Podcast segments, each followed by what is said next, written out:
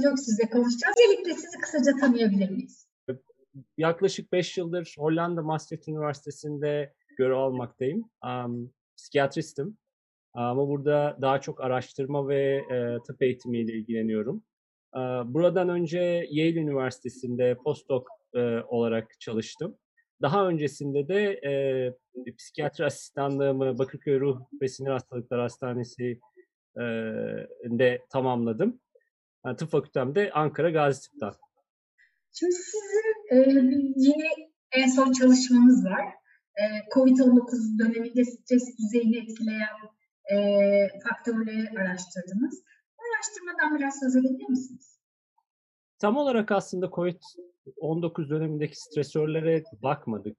Ama ben, e, yani COVID-19'un da strese yol açtığını bildiğimiz için bizim baktığımız daha çok stresli yaşam olaylarıydı. Stresli yaşam olayları ile e, ruh sağlığı ve fiziksel sağlığın ilişkisini değerlendirdiğimiz bu e, uzunlamasına ve dört e, farklı aşamada değerlendirilen Hollanda popülasyonunun değerlendirildiği bir çalışma. E, ve ayrıca bunun üzerine genetik riski e, ve e, yani ruh sağlığı hastalıkları, e, ruh, sa e, ruh sağlığı hastalıklarına genetik riski ve e, çevresel e, riski de bunun içine dahil ederek bunların arasındaki ilişkiye baktık. E, bu ruh sağlığı hastalığı da seçtiğimiz yani ruh sağlığı hastalığı e, şizofreni e, spektrumu e, bozukluklarıydı. E, ve biz gördük ki yani tabii ki çevresel e, faktörler ve genetik faktörler etkiliyor ruh sağlığını.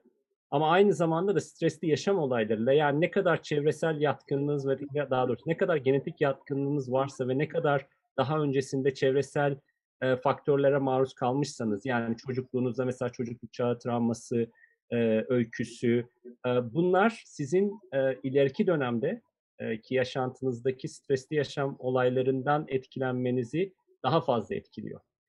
Biz buna istatistikte yani e, çevre etkileşimi ve çevre çevre etkileşimi diyoruz. E, bunun şöyle yansımaları var tabii ki hani COVID-19 önemli bir stresör e, ve e, küresel düzeyde bir stresör e, ve görünen o ki hani bu en azından bir yıl daha iyimser ihtimalle aşıların çok iyi bir şekilde sonuçlanacağını göz önünde tuttuğumuzda dahi bir yıl boyunca e, stresör olmaya da devam edecek. E, eğer ki biz buradan yola çıkarak, çalışmamızdan yola çıkarak ve başka çalışmalardan da e, bu bireyleri veya e, bu yatkınlığa yani çevresel e, ve genetik yatkınlığın hangi e, olan bireyleri saptayabilirsek e, ve ne kadar düzeyde popülasyonun, toplumun etkilenebileceğini e, öngörebilip böyle durumlarda. Çünkü yani e, bu pandemi ilk defa değil sonda olmayacak görünen o ki hani e, başka pandemiler de olacak. Belki e, bizim hayatımızda tabii ki görmeyeceğiz bunları umarız. Tekrarlayan bir şey haline dönüşmeyecek ama e, bu bu şekilde çalışmamızın e, yansımaları olabilir. Şimdi siz, e, sizinle biz yıllar öncesinde bir haber yapmıştık ve o, o zaman da yine şizofreni üzerine bir çalışmamız vardı. E, ve o dönem şizofreni ile ilgili e, uluslararası yine bir çalışmaydı. E, uzun yıllardır şizofreni üzerine çalışıyorsunuz. Ve e, şizofreni denildiği zaman hep akla A Beautiful Mind filmi geliyor. Ve bu filmde e, birçok kişi e, John Nash'in e, şizofreni olduğunu söylerken bir kısım psikiyatrist de aslında onun şizofreni olmadığını söylüyor. E, bu filmde şizofreni gerçekten işleniyor mu işlenmiyor? Şöyle ki fark ettiyseniz konuşmamın başında şizofreni de demedim. Şizofreni spektrumu bozuklukları dedim. Bunu dememdeki önemli nokta şizofreninin de bir yelpaze olması. Yani bizim hep yani e, hep e, daha doğrusu herkesin gözünde şizofreninin çok kötü gidişli, e, çok kötü sonuçlara yol açan e, yeti yıkımına yol açan bir hastalık olduğu, bir hastalık olduğu. E, ama aslında e, tıpkı diğer yani tıptaki ve psikiyatrideki diğer e, hastalıklar gibi e, bu da bir yelpazede yani daha iyi gidenler, daha kötü gidenler, başlangıçta belki daha iyi başlayıp sonra biraz daha kötüleşen e, hastalarımız oluyor. E, dolayısıyla şöyle bir şey yok. Hep bu yanılgı yani şizofreni denildiğinde çok kötü, çok hani işte e, e, psikiyatrinin kanseri diye eski zamanda tabir edilen kötü bir tabir. Özellikle söylemek istedim. Çünkü gerçeklik bu değil. Yani gerçeklik bu değil. Yani John Nash'in gerçekten şizofreni tanısı aldığını biliyoruz. Kayıtlar var. Gerçekten zaten filmde de e, işlendiği üzere birçok hani sıkıntılar yaşıyor. Ama öte yandan da hani baktığınızda işlevselliği, işte çalışması etkilense dahi üretkenliği devam ediyor. Bu yüzden de insanlar acaba şizofreni mi, şizofreni değil mi vesaire gibi e, e, yorumlarda bulunuyor. Ben de bunu söylemek istiyorum. Yani şizofreni de bir yelpaze. O yüzden şizofreni spektrumu bozuklukları dedim. Sadece şizofreni o çok kötü gidişli e, işte e, işlevsellik, yeti yetimi, e, iş kaybıyla sonuçlanan bir form değil. Spektrumu hastalığının belirtileri neler?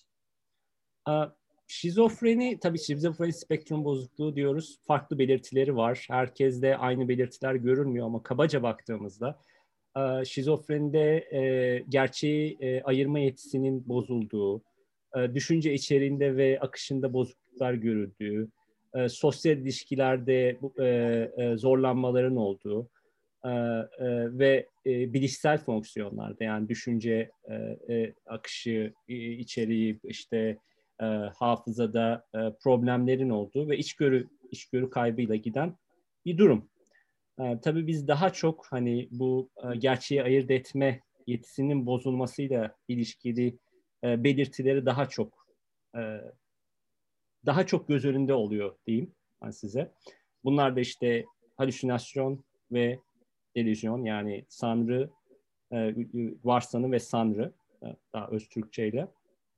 Um, işte ses duyma, görüntüler görme dediğimiz ve işte bir takım bu farklı düşüncelerin gerçekte bağdaşmayan düşüncelerin gerçeği aksi aksi kanıtlanmasına, aksinin söylenmesine karşın değişmeyen e, düşünceler e, giden bir e, tablo.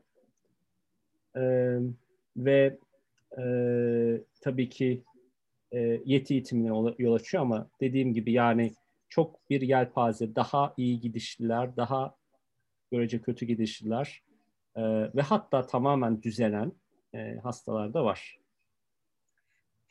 Şimdi burada e, siz dediniz yani şizofreni spektrumu dedik, yelpaze gibi dedik.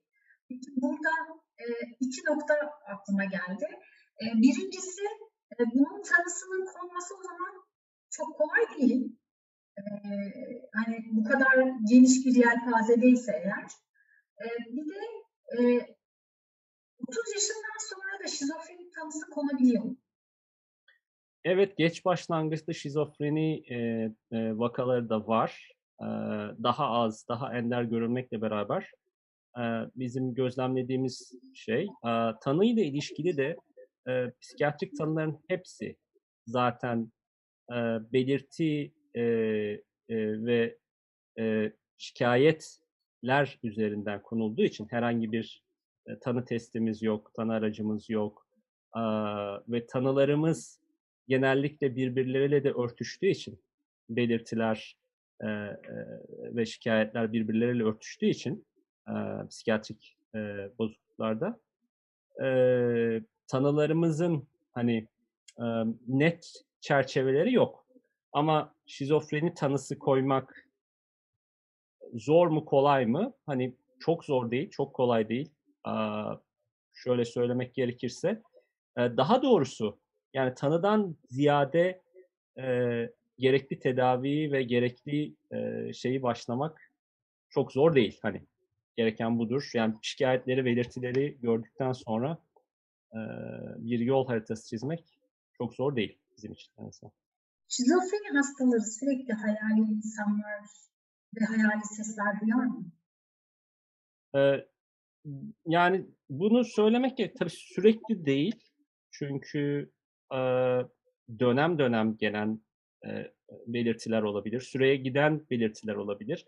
Ve bir de tabii ki bir takım kullanılan ilaçlar var. Şizofreni spektrum bozukluklarında.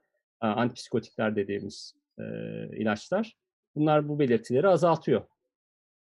Dolayısıyla süre giden yani hani süre gidenden kastettiğimiz bütün gün boyunca ve süre giden bir e, belirti değil. Güncel e, olarak baktığımızda şizofreni tedavisinde yenilikler var mı? E, insülin tedavisi tabii çok çok çok eskilerde kalmış bir tedavi. 1970'lerden bu yana antipsikotikler e, kullanılıyor. E, psikotik bozuklukların yani bu şizofreni spektrum bozukluklarında dahil olduğu bir grup. E, antipsikotikler e, 1970'lerden bu yana oldukça tedavisinin etkili. Özellikle bu halüsinasyon yani varsanı ve delüzyon sanrı dediğimiz şikayetlerin, bu pozitif psikotik belirtilerin tedavisinde oldukça etkili. Tabii ki farklı yan etkileri oluyor. Maalesef yani bütün ilaçlarımızın, diğer ilaçlar gibi aslında çok farklı değil. Bir takım yan etkileri var ama bu yan etkiler de yani 1970'lerdeki antipsikotiklere bakılınca yani 2000'lere geldiğimizde daha az yan etkili antipsikotiklerin olduğunu görüyoruz. Özellikle dediğim gibi yani hastalarımız çok fazla rahatsız eden bu pozitif psikotik belirtiler yani işte halüsinasyon ve delüzyon bunu tedavi etmekte çok başarılılar. E, tabii e, yani e, farklı yönleri de var. E, şizofreni e, spektrum bozukluğunun yol. E, e, bir, bir, e, bir alan açıkçası geliştirilmesi gereken bir alan. Yani bu konudaki bu konuda ilaçlarımızın daha iyi olmasını e, istiyoruz. O da e, bilişsel bozukluğu, bilişsel e, yani düşünce ve e, algıdaki akışı daha iyi hale getirebilecek ilaçlar üzerinde çalışılıyor. E, bu e, bu birazcık eksik ama onun dışında e, gerçekten yani o insülin tedavisi veya işte soğuk su tedavisi gibi artık tamamen tabii o zamanın e, yani şu an çağ dışı diyoruz ama o zamanın e, şeyinde hani başka alternatif olmadığı için e, kullanılan tedavilerle karşılaştırdığımızda çok çok çok fazla yol kat ettik. Ama daha çok fazla kat edecek yol var tabii ki. Şimdi John hayatının işlendiği gibi e, şizofreni filmlerde ele alınıyor. E, ele alınması iyi bir şey mi, kötü bir şey mi? Son dönemlerde psikiyatriyle ilgili her şey çok ilgi çektiği için televizyonlarda özellikle Türkiye'de dizilerde, filmlerde çok ele alınıyor. Bu konuda sizin bakışınız nasıl? Nasıl ele alındığı önemli, nasıl ele alındığı önemli. Yani ne açıdan yaklaşıldığı önemli ve ne kadar gerçekle bağdaştığı önemli.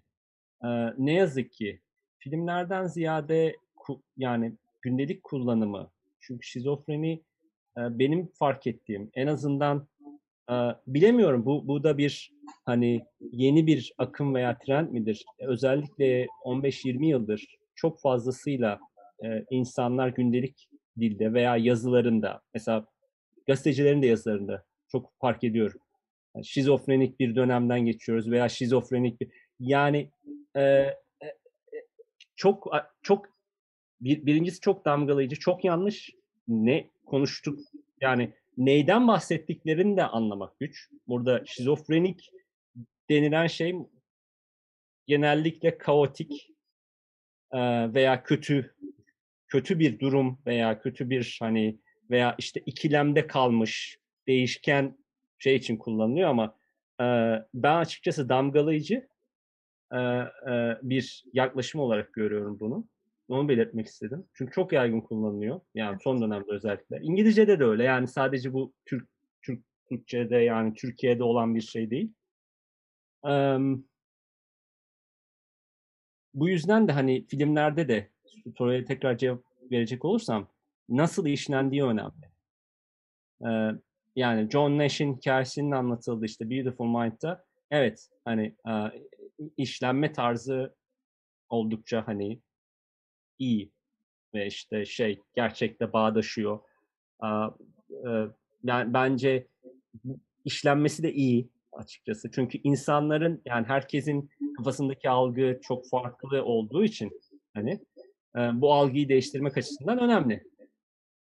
Ama tabii kötü bir şekilde işlenirse, gerçekle bağdaşmayan bir şekilde işlenirse ve işte medyada gördüğümüz gibi veya işte gündelik dilde gördüğümüz gibi kötü bir durumla eşlenecek, eşlenirken kullanılan bir sıfat olarak kullanılırsa o zaman tabii ki iyi değil. Çevresel faktörler hani siz dediniz ya ince bir araştırmamızda e, çevresel faktörlerin stresin etkisi üzerine. Covid sürecinde bu durum olumsuz etkilenmiş olur mu? E, ve e, genetik yatkınlığı e, çevresel faktörler tetikleyip e, vaka sayısında bir artış da görülebilir mi? Yani şöyle aslına bakarsanız hayır e, diye söyleyebilirim. Yani daha doğrusu şöyle aslında evet COVID, COVID, COVID çok önemli bir şey stresör. Yani daha doğrusu COVID'in kendisi değil ama getirdikleri işte bu dışarı çıkamama, işte kısıtlanma, iş kaybı, ekonomik güçlükler, hastalığın kendisiyle ilişkili, COVID'in COVID'in yaptığı hastalıkla ilişkili de bir takım belirtiler var. Hani psikiyatrik ve nörolojik e, bir takım e, bulgulara yol açıyor mu diye. Ama tabii kısa vadede bunu söylemek zor. Bir de aynı zamanda şuna vurgu yapmak istiyorum. Bu çevresel yatkınlık dediğimiz şeyler, çocuk çağ travması, esrar kullanımı, e, gibi faktörler sadece şizofreni spektrum bozuklukları için bir risk faktörü değil. Bütün diğer psikiyatrik bozukluklar için de risk faktörü. Yani depresyon, anksiyete, yani kaygı bozuklukları için de risk faktörü. Aynı zamanda da zaten zorluk çektiğimiz nokta o. Genetik de mesela bir spesifik bir gen yok şizofreni bozukluklar için veya depresyon için. Bunlar da paylaşılmış genler. Yani sonuçta cevap verecek olursam evet bunu biliyoruz. Yani Covid e, Covid özellikle Covid pandemisi özellikle kısa vadede e, belirtiler e, sonuçlar gösteriyor ki depresyon, anksiyete, e, travma bozukluğu e, gibi hastalıkların sayısını arttırdı. Bunu biliyoruz zaten. Ama uzun vadede bunun yansımaları ne olur? Örnek veriyorum işte şizofreni vesaire ya başka hastalıkların daha çünkü e, depresyon, kaygı bozukluklarına göre şizofreni spektrum bozuklukları daha az yaygın görülen e, bozukluklar. Ne olur onu bilemiyorum. Yani e, görmek gerekiyor. Çok teşekkür ederim. Ben teşekkür ederim. Güzel